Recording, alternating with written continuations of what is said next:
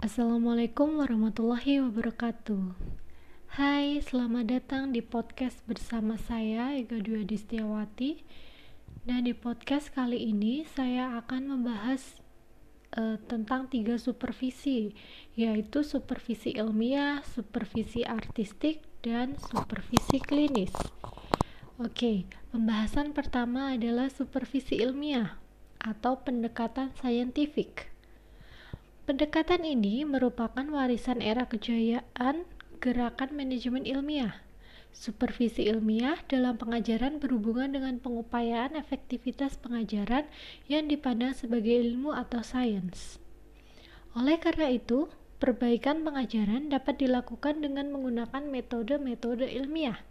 Indikator dari keberhasilan mengajar dapat dilihat dari komponen pembelajaran dan variabel proses belajar mengajar sehingga pusat perhatian pendekatan ilmiah ini lebih ditekankan pada pengembangan komponen pembelajaran secara keseluruhan. Supervisi ilmiah terkait erat dengan pembinaan guru dan peningkatan kreativitas pengajaran. Tujuan dari supervisi ilmiah ini adalah sebagai upaya untuk membentuk perkembangan murid melalui perkembangan guru karena ini berkaitan dengan seluruh anak serta seluruh seluruh guru jadi kepala sekolah harus mengenali dan memberikan tempat yang benar untuk kreativitas, kerjasama, dan demokratis. Tidak ada pertentangan antara konsep pengawasan kreatif, kooperatif, demokratis, dan ilmiah. Ada dua aspek yang perlu diperhatikan untuk pengembangan supervisi dengan pendekatan ilmiah ini. Yang pertama adalah pengembangan teknik diagnostik dan pertumbuhan guru melalui pemikiran ilmiah informal. Ciri utama dari supervisi ini adalah rasional dan empirik, sedangkan karakteristiknya adalah bersifat kelompok. Supervisi ini juga memiliki kelebihan dan kekurangannya. Kelebihannya antara lain hasil penelitian tentang pembelajaran dipandang sebagai hal yang sangat penting berdasarkan temuan penelitian, baik yang dilakukan secara mandiri atau oleh peneliti lain, sehingga dapat diketahui mana pembelajaran yang efektif dan mana yang tidak serta dengan adanya penelitian sehingga pemecahan masalah besar kemungkinan dapat sasaran dapat tepat sasaran dan tujuan. Lalu untuk kekurangan ya antara lain yang pertama jumlah proporsi yang dihasilkan relatif rendah dari yang dibutuhkan yang kedua, peneliti lebih banyak menyaring dan mengkonfirmasi pengetahuan yang telah ada daripada menemukan dan menghasilkan yang baru. Yang ketiga, peneliti tidak menemukan problema kelas secara menyeluruh.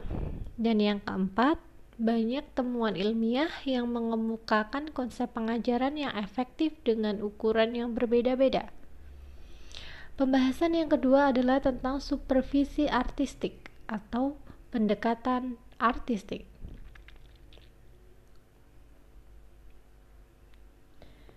Pendekatan artistik dalam supervisi pengajaran adalah suatu pendekatan yang menyadarkan kepada kepekaan persepsi dan pengetahuan supervisor sebagai sarana untuk mengapresiasi kejadian-kejadian pembelajaran. Pembelajaran yang bersifat subtle atau halus dan sangat bermakna di dalam kelas. Pendekatan artistik ini mencoba menempatkan supervisor sebagai instrumen observasi untuk mendapatkan data dalam rangka mengambil langkah-langkah supervisi. Ciri dari pendekatan supervisi artistik ini yang pertama, menaruh perhatian terhadap karakter ekspresif tentang peristiwa pembelajaran yang terjadi. Yang kedua, memerlukan ahli seni dalam pendidikan yang dapat melihat suatu yang subtle dalam pembelajaran. Yang ketiga, mengapresiasi setiap kontribusi unik para guru yang disupervisi terhadap pengembangan siswa. Yang keempat, menaruh perhatian pada kehidupan kelas secara keseluruhan. Yang kelima, memerlukan hubungan yang baik dan menyenangkan antara supervisor dan guru. Keenam, memerlukan kemampuan penggunaan bahasa yang dapat menggali potensi-potensi guru. Ketujuh, memerlukan kemampuan untuk mendeskripsikan dan menginterpretasikan setiap peristiwa pembelajaran yang terjadi. Kedelapan, menerima kenyataan bahwa supervisor dengan segala kelebihan dan kekurangannya, kepekaan dan pengalamannya merupakan instrumen pokok. Supervisi artistik ini juga memiliki kelebihan dan kekurangan. Kelebihannya, kelebihan dari pendekatan supervisi artistik dalam hal pengajaran, supervisor melihat secara teliti halus dikaitkan dengan gejala yang lain dan kelemahan dari sub pendekatan supervisi artistik ini adalah tidak semua supervisor mampu mengapresiasikan fenomena secara tepat. Mungkin dari segi waktu juga agak lama. Lalu yang ketiga atau pembahasan terakhir adalah supervisi klinis. Apa sih supervisi klinis itu? Supervisi klinis adalah supervisi yang difokuskan pada perbaikan pembelajaran melalui siklus yang sistematis mulai dari tahap perencanaan, pengamatan, dan analisis yang intensif terhadap penampilan pembelajarannya dengan tujuan untuk memperbaiki proses pembelajaran. Lalu, kenapa supervisi klinis ini diperlukan? Nah, ada beberapa alasan mengapa supervisi klinis ini diperlukan. Di antaranya, yang pertama, tidak ada balikan dari orang yang kompeten sejauh mana praktek profesional telah memenuhi standar kompetensi dan kode etik. Yang kedua, ketinggalan iptek dalam proses pembelajaran. Yang ketiga, kehilangan identitas profesi. Yang keempat, kejenuhan profesional. Yang kelima, erosi pengetahuan yang sudah didapat dari pendidikan prajabatan. Yang ketujuh, enam, siswa dirugikan tidak mendapatkan layanan sebagaimana mestinya dan yang terakhir rendahnya apresiasi dan kepercayaan masyarakat dan pemberi pekerjaan. Lalu, apa sih tujuan dari supervisi klinis ini?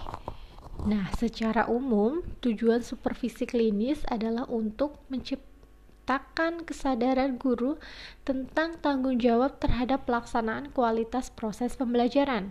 Itu yang pertama. Dan yang kedua, membantu guru untuk senantiasa memperbaiki dan meningkatkan kualitas proses pembelajaran. Yang ketiga, membantu guru untuk mengidentifikasi dan menganalisis masalah yang muncul dalam proses pembelajaran. Yang keempat, membantu guru untuk dapat menemukan cara pemecahan masalah yang ditemukan dalam proses pembelajaran. Dan yang terakhir adalah membantu guru untuk mengembangkan sikap positif dalam mengembangkan diri secara berkelanjutan. Lalu, apa sih karakteristik dari supervisi klinis? Nah, supervisi klinis ini memiliki karakteristik uh, sebagai uh, antara lain yang pertama perbaikan dalam pembelajaran mengharuskan guru mempelajari keterampilan intelektual dan bertingkah laku berdasarkan keterampilan tersebut. Yang kedua, fungsi utama supervisor adalah menginformasi beberapa menginformasikan beberapa keterampilan seperti keterampilan menganalisis proses pembelajaran berdasarkan hasil pengamatan, keterampilan mengembangkan kurikulum terutama bahan pembelajaran dan dan keterampilan dalam proses pembelajaran.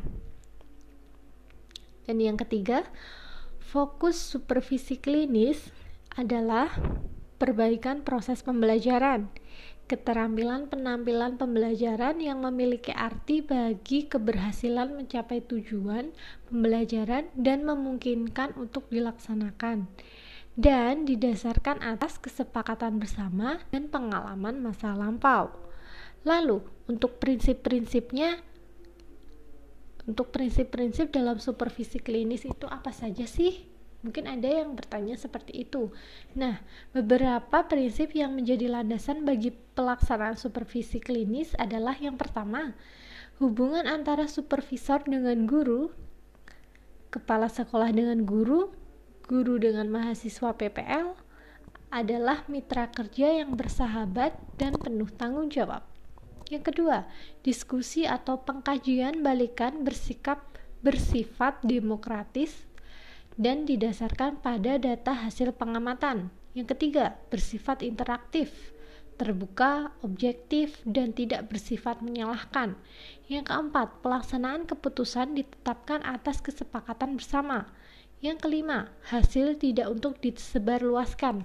Yang keenam, sasaran supervisi terpusat pada kebutuhan dan aspirasi guru dan tetap berada di ruang lingkup pembelajaran. Yang ketujuh, prosedur pelaksanaan berupa siklus, mulai dari tahap perencanaan, tahan, tahap pelaksanaan atau pengamatan, dan tahap siklus balikan. Nah, selanjutnya, eh, bagaimana sih prosedur supervisi klinis?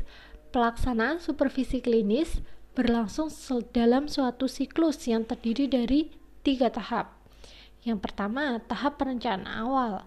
Tahap in, di, pada tahap ini beberapa hal harus diperhatikan adalah menciptakan suasana yang intim dan terbuka, mengkaji rencana pembelajaran yang meliputi tujuan, metode, waktu, media, evaluasi hasil belajar, dan lain-lain yang berkaitan dengan pembelajaran. Menentukan fokus observasi, menentukan alat bantu atau instrumen observasi, dan menentukan teknik pelaksanaan observasi. Yang kedua, tahap pelaksanaan observasi. Pada tahap ini, beberapa hal yang harus diperhatikan adalah harus luas, tidak mengganggu proses pembelajaran, tidak bersifat menilai, mencatat dan merekam hal-hal yang terjadi dalam proses pembelajaran sesuai kesepakatan bersama dan menentukan teknik pelaksanaan observasi.